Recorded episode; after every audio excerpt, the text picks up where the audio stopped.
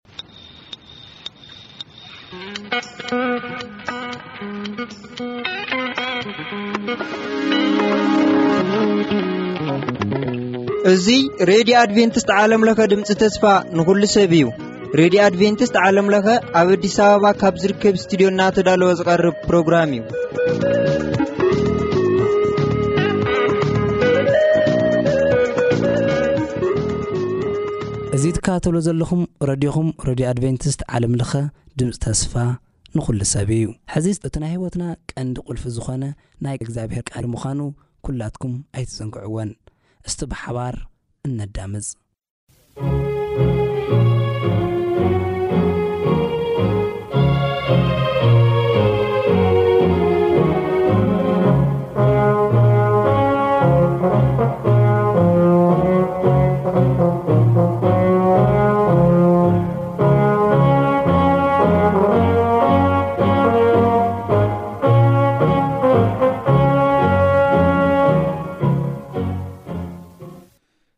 ሰላም ሰላም ኣብ በቦትኡ ዄንኩም መደባትና እናተኸታተልኩም ዘለኹም ክቡራት ሰማዕትና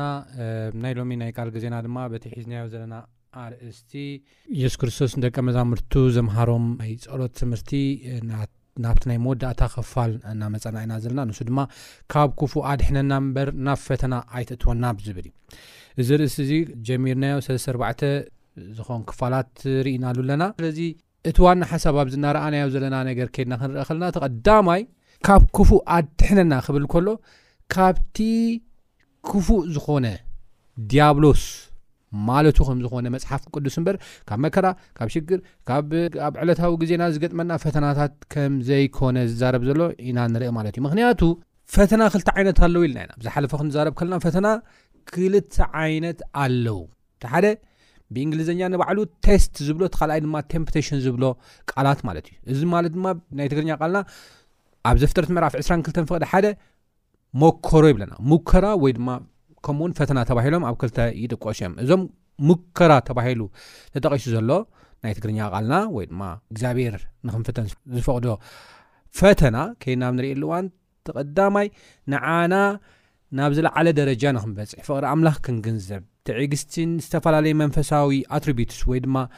እግዚኣብሄር ዝደልዮ ባህርያትን ንኸነጎልብት፣ ንኸነማዕብል ዝግበር ፈተና ከም ዝኾነ ኢና እንርኢ ማለት እዩ። ካብዚ ብተጸራሪ ግን፣ ቴምፕቴሽን ኢሉ ዝጽውዖ መጽሓፍ ቅዱስና ኣብ ያእቆብ፣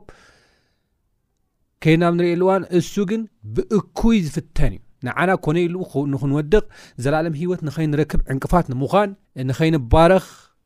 ሓይሊ ኣምላኽን ፍቕሪ ኣምላኽን ንኸይንርኢ ተስፋ ንክንቆርፅ ዝገብር ዲዛይን ተገብረ ከዓ ብሰይጣን ብባዕሉ ከም ዝኾነ ኢና ንርኢ ማለት እዩ ስለዚ እቲ ክፍራሕ ዘለዎ ኣብ ዕለታዊ ህይወትና ዝገጥመና ውፃእ ውረድ ዘይኮነሲ እቲ ክፍራሕን ክንሰግኦን ዘለና ነገር ተሃለወ እንታይ እዩ? እቲ ክፉእ እዩ ንሱ ድማ ዲያብሎስ እዩ ስለዚ ካብ ክፉእ ኣድሕና ካብቲ ዲያብሎስ ባዕሉ ኣድሕነና እዩ ምክንያቱ እቲ ዲያብሎስ እዩ እቲ እግዚኣብሄር ዝሃበና ተስፋ ሓጢኣት ክንሰርሕ ብምግባር ንክንጠፍእ ክገብር ዝኽእል ኣብ ዕለታዊ ዝገጥመና ፈተናታት ኣይኮነን ብዙሓት ነብያታትን ከምኡውን ሃዋርያትን ፈተናታት በፂሕዎም እዩ ያም ፈተናታት ክንብል ከልና ቀሊል ፈተናታት ኣይኮነን ናይ ህወት ፈተና ይበፂሕዎም ሞይቶም እዮም ብኣዝዮም ኣሰቃቂ ሞት ድማ ተሰዊዖም እዮም ተሳቂዮም እዮም ተሸጊሮም እዮም ግን እዚ ፈተና እዚ እግዚኣብሄር ካብ ምእማን እቲ እግዚኣብሄር ዝሃቦም ተስፋ ካብ ምውራስ ኣይከልከሎምን። ንዑ ኣብ እብራውያን ምዕራፍ ዓሰርተ ሓደ ከድና ኣብ ንርእየሉ እዋን ንሰማያዊ ሃገሮም ይናፍቑ ኣለዉ ኢሉ ዝጠቀሳት ናይ መወዳእታ ጥቕሲ እዚኦም ኩሎም ነታ ናይ ሰማያዊ ሃገሮም ይፅበዩ ኣለዉ ደቂሶም እዮም ዘለዉ ኢሉ ይዛረብ ብካልእ ኣባህላ ተስፋኦም ካብኦም ክውሰድ ኣይከኣለን ሰይጣን ሂወቶም ክሕልፈ እኳ ተኸኣለ እንተሞቱ ብስቃይ እንተሓለፉ እኳ ነገር ግን ናይ ዘላለም ህይወት ተዳልዩሎም ኣሎ ትንሳኤ ህይወት ኣሎ ክትንስኦም ክርስቶስ ዳግም ክመፅእ ከሎ ክትንስኦም ኣብ ቀዳማይ ተሰሎንቄ ምዕራፍ ኣርባዕተ ከም ዝብለና ማለት እዩ ስለዚ ካብ ክፉእ ኣድሕነና ክንብሎ ዘለና ነገር ካብቲ ክፉእ ዲያብሎስ ካብቲ ክፉእ ዲያብሎስ ካብኡ ካብኡ ካብኡ ኣድሕነና ክንብሎ ከም ዘለና እዩ ዘርእና ዝጥቕስ እዚ ማለት እዩ ቀፂለ ኣብዛ ሓሳብ እዚኣ ዝረኣኹዋ ሓሳብ ተሃለወት እንታይ እያ? ናይ እግዚኣብሔር ፈተና ኩሉ ግዜ ንዓና ንጥቕሚ፣ ንዓና ንምዕባይ ከም ዝኾነ ዝተረድኡ ሰባት ፈተና ከም ሙሉእ ሓጎስ ቁፀርዎ ከም ዝብል ያዕቆብ ከም ሙሉእ ሓጎስ እዮም ክቆፅርዎ ዘለዎም ማለት እዩ። ርግፅ ፈተና ቀሊል ስለ ዝኾነ ስለ ዝሕጉስ ኣይኮነን። ነገር ግን እቲ ናይ እግዚኣብሔር ዓላማን እቲ ናይ እግዚኣብሔር ሓሳብን ንሱ ድማ ኣብ ሮሜ ምዕራፍ 12 ፍቕዲ ክልተ ተጠቒሱ ዘሎ ፍቓድ ኣምላኽ ሰናይን ባህ ዘብልን ፍጹምን ዝኾነ እንታይ ምዃኑ ክትፈልጡ ብምሕዳስ ሓሳብኩም ተለወጡ እምበር ነዛ ዓለም እዚኣ ኣይትምሰልዋ ከም ዝበለ እቲ ደስ ዘብል ዝሕጉስ ፍጹም ዝኾነ ፍቓድ ኣምላኽ ስለ ንርዳእ ወላ ብፈተና ተሓለፍና እቲ ፈተና ከዓ መሪር እኳ ተኾነ ከም ሙሉ ደስታ ጌርና ኢና ንቆፅሮ ግርፋት ኣለዎ እወ ስጋዊ ቃንዛ ኣለዎ እወ ሽግርን ሕልኽላኻትን ኣለዎ እወ ውፃእ ውረድ ኣለዎ እወ ግን እቲ ፍጹም ዝኾነ ሓሳብ ኣምላኽ ብምርዳእ ብኡ ከም ንሕጎስ እዩ ዝረድኣና ማለት እዩ እሞ እዚ ዓይነት ጸሎት ዝጽልዩ ኣብ ህይወቶም ብዙሕ ዓይነት ለውጢ ከም ዝመጽእ መጽሓፍ ቅዱስ ይዛረበና እዩ ምናልባት ኣብ ዝሓለፈ ናይ ቃል ግዜና ከም ዝረኣናዮ ከምዚ ኢሎም ጽልዩ ሰባት ናብ ፈተና ካብ ዝእትዎም ነገራት ይሃድሙ እዮም ናብ ፈተና ካብ ዝእትዎም ነገራት ይሃድሙ እዮም እዚ ሎ መዓንቲ እውን ቀፃሊ ክፋል ክንርየሉ ኢና ካብዚ ብተወሳኺ ምኽኒት ንውድቀትና ሓጢኣት ንምስራሕና ንምኽኒት ንኸይንህብ ይገብረና እዩ ከምዚ ዓይነት ለውጢ ንፅሊ እዚ ፀሎት እዚ ብምስትውዓል ኣብ ንፅልየሉ እዋን ማለት እዩ ስለዚ እዚ ጥራሕ ግን ኣይኮነን ሎሚ ናብ ሂወትና ዝመፅእ ለውጢ ቀጺልና ክንርኢ ኢና። ቅድም ኢለ ከምቲ ዝበልክዎ ካብ ፈተና ዘእትዎም ነገራት ይርሕቑ እዮም ዝብል ሓሳብ ሎም እሞ ቀጸልቲ ሒዝናልኩም ክንቀርብ ኢና እሞ ቅድሚ ኩሉ ግን እግዚኣብሔር ምእንቲ ክመርሓናን ከምህረናን ሕፅር ዝበለ ጸሎት ክንጽሊ ኢና ንጸሊ። እግዚኣብሔር ኣምላኽና ስለዚ ግዜን ሰዓትን ነመስግነካ ኣለና። ሕጂ ድማ ቃልካ ከፊትና ኣለና እሞ ንስኻ ከተምህረና ክትመርሓና ኦ ጎይታ ኣስተውዒልና ድማ ምንባር ንኽእለሉ ጸጋ ከተብዝሓልና ንልምነካ ኣለና እዚ ቓል እዚ ድማ ሰማዕቲ ጥራሕ ዘይኮነ ፈጸምቲ ክንከውን ንስኻ ርድኣና ብጎይታና መድሓና ንስ ክርስቶስ ስም ኣሜን ሕራይ ቅድም ኢለ ናብ ፈተና ዝእትዎ ነገራት ኩሉ ይርሕቕ እዩ ርእሱ ኣየጋልፅን እዩ ንፈተና ዝብል ብዝሓለፈ ርኢና ነርና ኣብ መዝሙር ዳዊት ምዕራፍ ሓደ ፍቕዲ ሓደ ዘሎ ሓሳብ ብፍላይ ማለት እዩ። ሎሚ ኸኣ ናቱ መቐጸልታ እዩ። ሓደ ቆልዓ ነይሩ ይበሃል። እዚ ቆልዓ እዚ ምሕንባስ ኣዝዩ እዩ ዝፈቱ። ነገር ግን ሓንቢሱ ኩሉ ግዜ ክመጽእ ከሎ ኣብ ገዛ ይቕጻዕ ከም ዝነበረ ይነግረና፣ እቲ ታሪኽ ማለት እዩ። ነገር ግን ምሕንባስ ክገድፎ ይከኣል።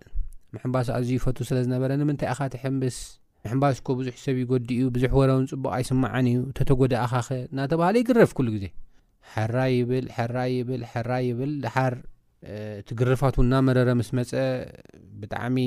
ቁጥዓ ውን እናፀንዐ ምስ መፀ እቲ ቆልዓ ቃል ይኣቱ ንሱ ድማ በቃ ድሕሪ ሕጂ ኣይሕምብስን እየ በቃ ድሕሪ ሕጂ ኣይሕምብስን እየ ቃል ኣትየ ኣለኹ በቃ ኩላትኩም ቃል ኣትየ ኣለኹ ድሕሪ ሕጂ ኣይሕምብስን እየ ምክንያቱ ንምንታይ ወለደይ ዘጉሂሉ ድሕሪ ብዙሕ ግርፋት ይገድፎ እሞ ድሓር ካብ ዕለታት ሓደ መዓልቲ እናወፀ ከሎ ኣጋጣሚ ናብ ኣቕጣጫ እዩ ዝወፅእ ነይሩ ድሓር ኣይ ክሕምብስቶ ይብል ኖ ቃል ኣቴ እንዲ ይብል ድሓር ቃል ኣቴ ምስ በለ እው ምሕንባስ ከኣ ደስ ኢሉኒ ኣሎ ዋይ ሎምዓንቲ ወላ ተሓቢኤ ተሓንበስኩ ኣይ ቃልዓት እየ እንዴ ደሓርከ እናበለ እዚ ከምዚ ዓይነት ሓሳብ እናተሓሳሰቦ እናተጋጨወ ሓሳባቱ ኩሉ እናተጋጨወ ከሎ ደሓር ካብ ገዝኡ ዝኾነ ኮይኑ እስኪታ ቁምጣ ወይ ድማ እታ ናይ መሐንበሲት ክዳነይ ሒዝያ እስኪ ክወፅእ ኢሉ ሒዝዋ ይወፅእ እዚኣ ሒዝዋ ምስ መፀ ምስ ወፀ ኣብኡ ምስ በፅሐ ከይተፈለጦ እቲ ክዳኑ ቅይሪር ኣቢሉ ብጣዕሚ ስለ ዝፈቱ ምሕንባስ ኣብ ማይ ከም ዝረኸቦ ሰውነት ኢና ንረክብ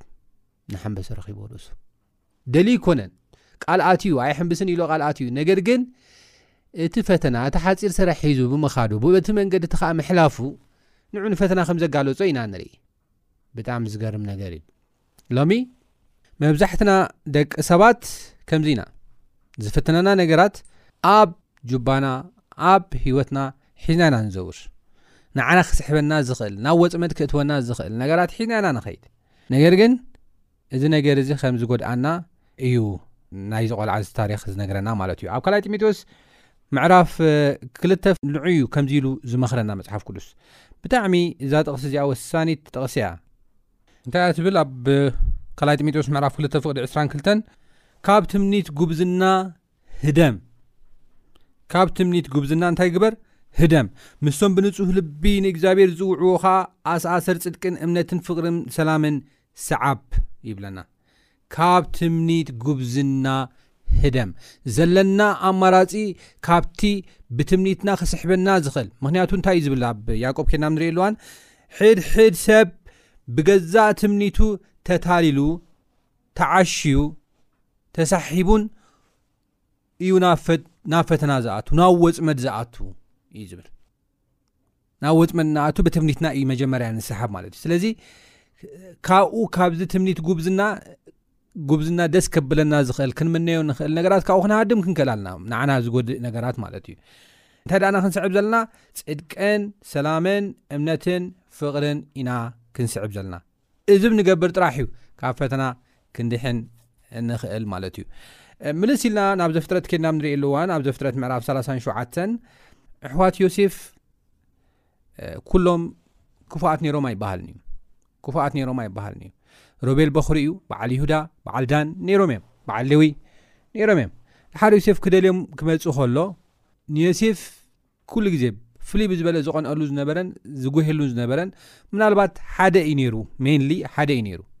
ብጣዕሚ ማለት ዋላ ኩሎም ተቐንእሉ እኳ ግን ክቐትሎ ክሳብ ክንዲ ዝኽፉእ ሓሳብ ክሓስበሉ ዝኽእል ሓደ እዩ ነይሩ ምስ ብዙሓት ተሓሒዙ ማለት እዩ ወይ ድማ እንተበዝሑ ክልተ ወይ ሰለስተ ክኾኑ ይኽእሉ እዮም ግን ኩሎም ክፉኣት እዮም ነይሮም ኩሎም ወላ ቅንኣት ውሽጦም እንተነበሮም ጥፍኣት ዮሴፍ ይደልዩ እዮም ማለት ግን ኣይነበረን እቶም ኩሎም ሰዓብቲ እዮም ነይሮም ናይቲ ሓደ ዘቐንቀኖ ሓሳብ ወይ ድማ ዘምጽኦ ሓሳብ ተቐበልቲ ኣፈጸምቲ እዮም ነይሮም ወይ ድማ ናይቶም ክልተ ሓሳባት ማለት እዩ ሶ ዮሴፍ ኣብ ዘፍጥረት ምዕራፍ 37 ድለዮም ተባሂሉ ናደለዮም ኣብ ዝነበረሉ ግዜ ብርሑቕ ረኣይዎ ይብለና ገና ኣባታቶም ከይቀረበ ኸኣ ክቐትልዎ ተተናኸሉ ነንሕዶም ድማ ተባህሉ እቲ ሓላሚ እነሆ ይመጽእ ኣሎ ነንሕዶም ተባህሉ ሕጂ እቲ ሓሳብ ረይ ዝገበሩ ሓደ ክልተ ሰለስተ እዩ ድሓር ታይ ኢሉ ሕጂ ከኣ ንዑ ንቕተሎ ኣብ ሓንቲ ካብዘን ጉድጓድ ንደርብዮ እሞ ሕሱም ኣራዊት በሊዕዎ ንበል እቲ ሕልምታት እንታይ ከም ዝኸውን ድማ ንርኢ ኢሉ ሓደ ሳጀስት ክገብር ከሎ ወይ ክልተ ሰባት ሳጀስት ክገብሩ ከሎ ኢና ንርኢ ሮቤል ከኣ እዚ ሰሚዑ ካብ ኢዶም ኣድሐኖ ነፍሲ ኣይንቕተል ይብል። ሕጂ ኩሎም ሓደ ዓይነት ሓሳብ ከም ዘይነበሮም ወላ ቅንኣት ኣብ ውሽጦም እንተነበሮም እኳ ኩሎም ግን ሓደ ሓሳብ ከም ዘይነበሮ ካብ ሮቤል ንርኢ ኢና ሮቤል ኣይንቕተሎ ኢሉ ከድሕኖ ከሎ ኢና ንርኢ ማለት እዩ በዚ ምባል ድማ ከይቀተልዎ ከም ዝተረፉ ተሓሳቦም ከም ዝፈሸለ ኢና ንርኢ ማለት እዩ ብዝኾነ ግን ምስኦም ስለ ዝነበረ ምስቶም ክፉእ ሓሳብ ዝሓስቡም እንደገና ምስቶም ነቲ ክፉእ ሓሳብ ዝተቐበሉ ሰባት ምስኦም ስለ ዝነበረ ንዮሴፍ ካብ ምኽትካት ግን ከድሕኖ ኣይከኣለን። ተሓባባሪ ኮይኑ ወላ በኹሪ እኳ ተኾነ ተፅዕኖ ክፈጥር ስለ ዘይከኣለ ኣብ ልዕሊኡ ተፅዕኖ ተገይሩሉ ንዮሴፍ ተቐጥቂጡ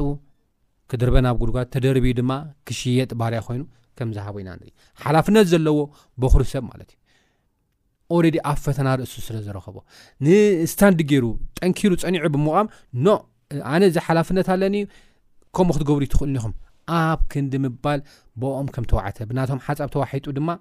እዚ ነገር እዚ ካብቶም ዝፈጸሙ ኣካል ሓደ ከም ዝኾነ ኢና ንሪኦ ማለት እዩ ርኢኹም፣ ኩሉ ግዜ ንርእስና ኣብ ፈተና ኣብ ነእትወሉ እዋን፣ ነቲ ፈተና ኣብ ዘይንቃወመሉ እዋን ኣብ ሽግር ከም ንወደቕ ኣብ ሓደጋ ከም ንወደቕ ኢና ንርኢ። ንዑይ ኣብ ዝሓለፈ ናይ ቃል ግዜና ብምኽሪ ረሲኣን ዘይመላለስ ኣነ ኣይመላለስን እየ እንታይ ገይሩ ኢሉ ረዚስተ ትገብሮም ነይሩ ተዝቃወሞም ነይሩ ዮሴፍ ምናልባት ምደሓነ። ነገር ግን ከምኡ ይበለን ከምኡ ንኸይብል ከዓ ብዙሕ ነገራት ነይርዎ ክኸውን ይኽእል ኣብ ዝነበሮ ቻለንጅ ማለት እዩ ሮቤል ጥራሕ ኣይኮነን ካልኦት እውን ክዛረቡ ዘይደፈሩ ናይ ሰብ ሓሳብ ኣፈፀምቲ ጥራሕ ዝኾኑ ሰባት እውን ነይሮም እዮም ኣብ ማእኸሎም ስለዚ ርእስኻ ኣብ ምኽሪ ረሲኣን ምእታው ንሓደጋ ከም ትቃላዕ ዘይኣመንካሉ ዘይትደልዮ ነገር ከም ትገብር ኣካልቲ ናይ ቀትለት እውን ከም እትኸውን እዩ ዘርእየና ማለት እዩ እሞ ርእስና ንፈተና ካብ ዘምፅእ ነገር ከንኣሊ ይግባኣና እዩ እዚያ እታ ሓሳባ ካልእ ኣብ ካልኣይ ሳሙኤል ምዕራፍ ዓሰርተ ሓደ ዘሎ እዩ ኣብ ካልኣይ ሳሙኤል ምዕራፍ ዓሰርተ ሓደ ዘሎ ሓሳብ እውን ከይድና ንሪእየ ኣለዋን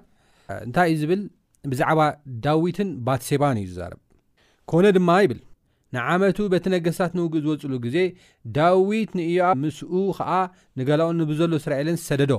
ዳዊት ኣሞን ኣጥፊኦም ድማ ንራባ ከበብዋ፣ ዳዊት ግና ኣብ የሩሳሌም ተሪፉ ነበረ። ኮነ ኸኣ፣ ኣጋ ምሸት ዳዊት ካብ ምድቃሱ ተንሲኡ ኣብ ናሕሲ ቤት ንጉስ ክመላለስ ከሎ፣ ሓንቲ ሰበይቲ ማይ ክትሕጸብ ከላ፣ ኣብቲ ናሕሲ ኮይኑ ረኣያ እታ ሰበይቲ ከኣ ትርኢታ ብዙሕ ጽቡቕ ነበረ ይብለና። ማይ እንድዩ ሕጂ ብዚ። ነገስታት ናብ ውግእ ኣብ ዝወጽሉ ግዜ ዳዊት ግን ኣብ የሩሳሌም ተሪፉ ነበረ ይብለና። ንምንታይ? ነገስታት እዮም ዝወጹ ነይሮም ናብ ውግእ። ምስኦም እዩ ክወጽእ ነይርዎ፣ ከባራታትዖም እዩ ነይርዎ፣ ኣጆኹም እዩ ክብሎም ነይርዎ፣ ክጽልየሎም እዩ ነይርዎም፣ ሎጂስቲክስ ክሰርሕ እዩ ነይርዎ፣ ዝተፈላለዩ ነገራት ክፈጥን እዩ ነይርዎ ከም ነገሰ ነገር ግን እዚ ዅሉ ገዲፉ ኣብ የሩሳሌም ከም ዝተረፈ ኢና ንርኢ። ኣብ የሩሳሌም ብምትራፉ ኸኣ ንፈተና ርእሱ ከም ዘጋለጸ ኢና ንርኢ ማለት እዩ። ድሓር ኣብኡ እናተመላለሰ ኸሎ ብቲ ናሕሲ ዀይኑ ረኣያ ይብለና ሓንቲ ሰበይቲ ጽብቕቲ ነበረት ልኢኹ ድማ ብዛዕባ እታ ሰበይቲ ሓተተ እዚኣስ ባትሴባ ጓል ኤሊም ሰበይቲ ኡርያ ሔታዊ ዶ ኣይኮነትን ከኣ? በልዎ። ምርዑት እያ፣ ሰብኣይ ዘለዋ ሰበይቲ እያ፣ ይፈልጥ ኣሎ። ምስ ሰብኣይ ዘለዋ ሰበይቲ ምሕዳርን ምድቃስን ከኣ ወንጀል ኣመንዝርነት ከም ዝኾነ ይርዳእ ኣሎ፣ ይፈልጥ እዩ። ነገር ግን ኦሬዲ ናብ ፈተና ስለ ዝኣተወ፣ ርእሱ ናብ ወጽመድ ስለ ዘእተወ፣ ካብዚ ወጽመድ እዚ ከምልጥ ኣይከኣለን። ጸውዒሉ እዩ ከምጽዋ፣ ምሳእ ድማ ከም ዝደቀሰ ኢና ንርኢ። እዚ ጥራሕ ኣይኮነን። ወንጀሉ እዚ ዓቢ ውርደት እዩ፣ ኣብ እስራኤል እውን ዓቢ ውርደት እዩ፣ ኣብ ቅድሚ ኣምላኽ እውን ዓቢ ውርደት እዩ። እዚ ሓጢኣት እዚ እዚ ገበን እዚ ንምሽፋን ድማ እንደገና ብዙሕ ዓይነት ሓጢኣት ከም ዝሰርሐ ኢና ንርኢ። ንኡርያ ኣስኪሩ ንዓ ኢሉ ምስኣ ክሓድር ገይርዎ፣ ነገር ግን ኡርያ ምስኣ ኣይሓደረን እግዚኣብሔር ከጋልጾ ከሎ ድሓር ኡርያ ቁኑዕን ናይ ኣምላኽ ሰብን ምዃኑ ምስ ረኣየ ድማ ካብዛ ገበን እዚኣ ከምዘይ ሃድም ምስ ረኣየ ድማ እታ ባትሴባ እውን ጠኒሳ ጥንሳውን እናቐረበ ክመጽእ ከሎ ሽግር ከም ተፈጥረ ኢና ንርኢ። ደሓር እንታይ ገይሩ? ንኡርያ ኣብ ቅድሚት እቲ ውግእ ገይሩ ንኽመውት ከም ዝገበሮ ኢና ንርኢ። ስለዚ ሓጢኣት ገይሩ፣ ኣመንዚሩ፣ ደድሕሪኡ እንታይ ገይሩ? ሓስዩ ከታልል ፈቲኑ፣ ደድሕሪኡኸ ኣቕቲሉ። ብጣዕሚ ዝገርም ነገር ማለት እዩ ስለዚ ዳዊት መጀመርያ ኣመንዚሩ ነቲ ኣመንዝርነት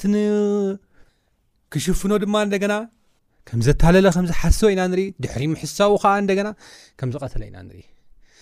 እዚ ኩሉ ናይዚ ኩሉ መሰረት ናይዚ ኩሉ ምንጭ ክኸውን ዝኽኣለ እንታይ እዩ እንተ ኢልና ርእስኻ ኣብ ፈተና ምእታው እዩ ነገስታት ናብ ውግእ ኣብ ዝወፅሉ ንሱ ኣብኡ ኮፍ ምባሉ እዩ ነዚ ኩሉ ነገር ኣጋሊፅዎ ዘሎ እዚ ጥራሕ ግን ኣይኮነን ቀቲሉ ከይኣክል ድማ ነቢናታን መፅኡ ኣብ ተዛረበሉ እዋን ከምዚ ኢሉ ኣብ ተዛረበሉ እዋን ድማ ኣብ ሰብ ክፈርድ ከሎ ኢና ንርኢ ነቢናታን ዝበሎ እስኪ ንርአ እንታይ ኢልዎ ኣብ ጉዙር ዓሰርተ ክልተ ኢማጅም ድሕሪ ምቕታሉ እዩ እግዚኣብሄር ድማ ንናታን ናብ ዳዊት ለኣኾ ንሱ ኸዓ ናብኡ ኣትዩ በሎ ኣብ ሓንቲ ኸተማ ክልተ ሰብኣይ ነበሩ ይብል እቲ ሓደ ሃብታም እቲ ሓደ ድማ ድኻ እቲ ሃብታም ኣዝን ብዙሓት ኣባጊዕ ዓሓን ነበርኦ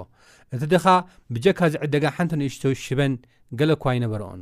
ንሱ ኣዕበያ ምስኡ ምስ ደቁንከ ኣብ ሓደ ዓቤት። ካብ ቁራሱ ትበልዕ፣ ካብ ዋንጭኡ ትሰቲ፣ ካብ ሕቑፉ ድማ ትድቅስ፣ ንኡ ኸኣ ኸም ጓሉ ነበረት። እቲ ሃብታም ሰብኣይ በዓል መንገዲ ምስ መጾ፣ ነቲ ዝመጾ በዓል መንገዲ ኻብተን ኣባጊዑ ኻብተን ኣሕውን ወሲዱ ከየዳልወሉስ በቐቐን፣ ነተን ሽበን ተንድኻ ወሲዱ ግና ነቲ ዘእተዎ ሰብኣይ ኣዳለወሉ። ሽዑ እቲ ኹራ ዳዊት ኣብቲ ሰብኣይ ኣዝዩ ነደደ፣ ንናታን ከኣ እቲ እዚ ዝገበረ ሰብኣይ ወዲ ሞት ከም ዝኾነ ህያው እግዚኣብሄር እዩ፣ እዚ ነገር እዚ ዝገበረ ድንጋጸ ስለ ዘይነበሮ ኣብ ክንዲ እቲ ሸበን ኣርባዕተ ገይሩ ይኽሓስ በሎ። ሽዕኡ ናታን ንዳዊት በሎ፣ እቲ ሰብኣይ እቲ ንስኻ ኢኻ ኢሉ ከም ተዛረቦ ኢና ንርኢ። ስለዚ ኣብዚ ከድና ክንርኢ ከለና ኣመንዚሩ፣ ደሓር መልሹ ሓስዩ ኣታሊሉ፣ ደሓር መልሹ ሰብ ቀቲሉ፣ ደሓር ድማ ኣብ ሓጢኣተኛ ክፈርድ ከሎ ኢና ንርኢ። ዝገርም እዩ ዝገርም እዩ ናይዚ ኩሉ ምንጭ ግን እንታይ እዩ ናይዚ ኩሉ መሰረት ግን እንታይ እተልና ርእስኻ ኣብ ፈተና ምእታው እዩ ዳዊት ኣብታ ግዜ እቲኣ ነገስታት ምስቶም ነገስታት ከይዱ ተዝወፅ ነይሩ ስርሑ ተዝሰርሕ ነይሩ ናብዚ ኩሉ ፈተና ናብዚ ኩሉ ሽግር ኣይምተጋለፀን ነይሩ ካልእ ቻፕተር ሓድሽ ቻፕተር ዘይተሓስበ ቻፕተር ኣብ ናይ እግዚኣብሔር ትልሚ ዘይነበረ ምዕራፍ እዩ ተኸሲቱ ኣብ ናይ ዳዊት ህይወት ድሓር ባትሴባ ወሊዳ እቲ ተወልደ እውን ከምዝሞተ ኢና ንርኢ ማለት እዩ ካልእ ዓይነት ቻፕተር ድሕሪኡ እውን እንደገና ሰበይቲ ገይሮ ምስ ወሰዳ እውን ድሓር ምስ ዓበየ ሰለሙን እውን ህልኽን በእስን ከም ተፈጥረ ኢና ንርኢ ማለት እዩ ኣዝዩ ኣሸጋሪ እዩ ብርግፅ ንዓ ክሒስዋ እዩ ከምታ ዝበሎ ክሒስዋ እዩ ካብ ባትሴባ ዝተወልደ ሰለሙን እዩ ንጉስ ኮይኑ ግን መጀመርያ ዝገበሮ ስሕተት ግን ዓብዪ ነይሩ ብጣዕሚ ዝገርም ሓሳብ እዩ። ስለዚ ንርእስና ናብ ፈተና ኣይነእቱ፣ ንርእስና ናብ ፈተና ኣይነቐርቅር ንብሎ ነዚ እዩ። ንዑይ ኣብ ካልኣይ ጢሞቴዎስ ምዕራፍ ክልተ ፍቕዲ ዕስራን ክልተን እውን ካብ ትምኒት ጉብዝና ህደም ዝብለና። ብትምኒትና ክንሰሓበሉን ክንታለለሉን ናብ ንኽእል ነገር ስፍራ ኣይነቐምጥ ርእስና። ካብ ክፉእ ኣድሕነና እምበር ናብ ፈተና ኣይትእትወና ኢሎም ዝጽልዩ ሰባት ብምሉኦም ካብዚ ዓይነት ፈተና የምልጡ እዮም፣ ይሃድሙ እዮም ካብ ትምኒት ጉብዝና። ጽድቅን ሰላምን ፍቕርን እዮም ዝስዕቡ እሞ ጽድቅን ሰላምን ፍቕርን ብምስዓብ ንእግዚኣብሔር ከነኽብር ንርእስና እውን ካብ ፈተና ከነድሕን እግዚኣብሔር ጸጉ የብዝሓልና ኣብ ዝቐጽል ናይዚ መቐጸልታ ሒዘልኩም ክቐረብ እየ ክሳብ ዝቐጽል ሰላም ኩኑ ጎይታ ይባርኩም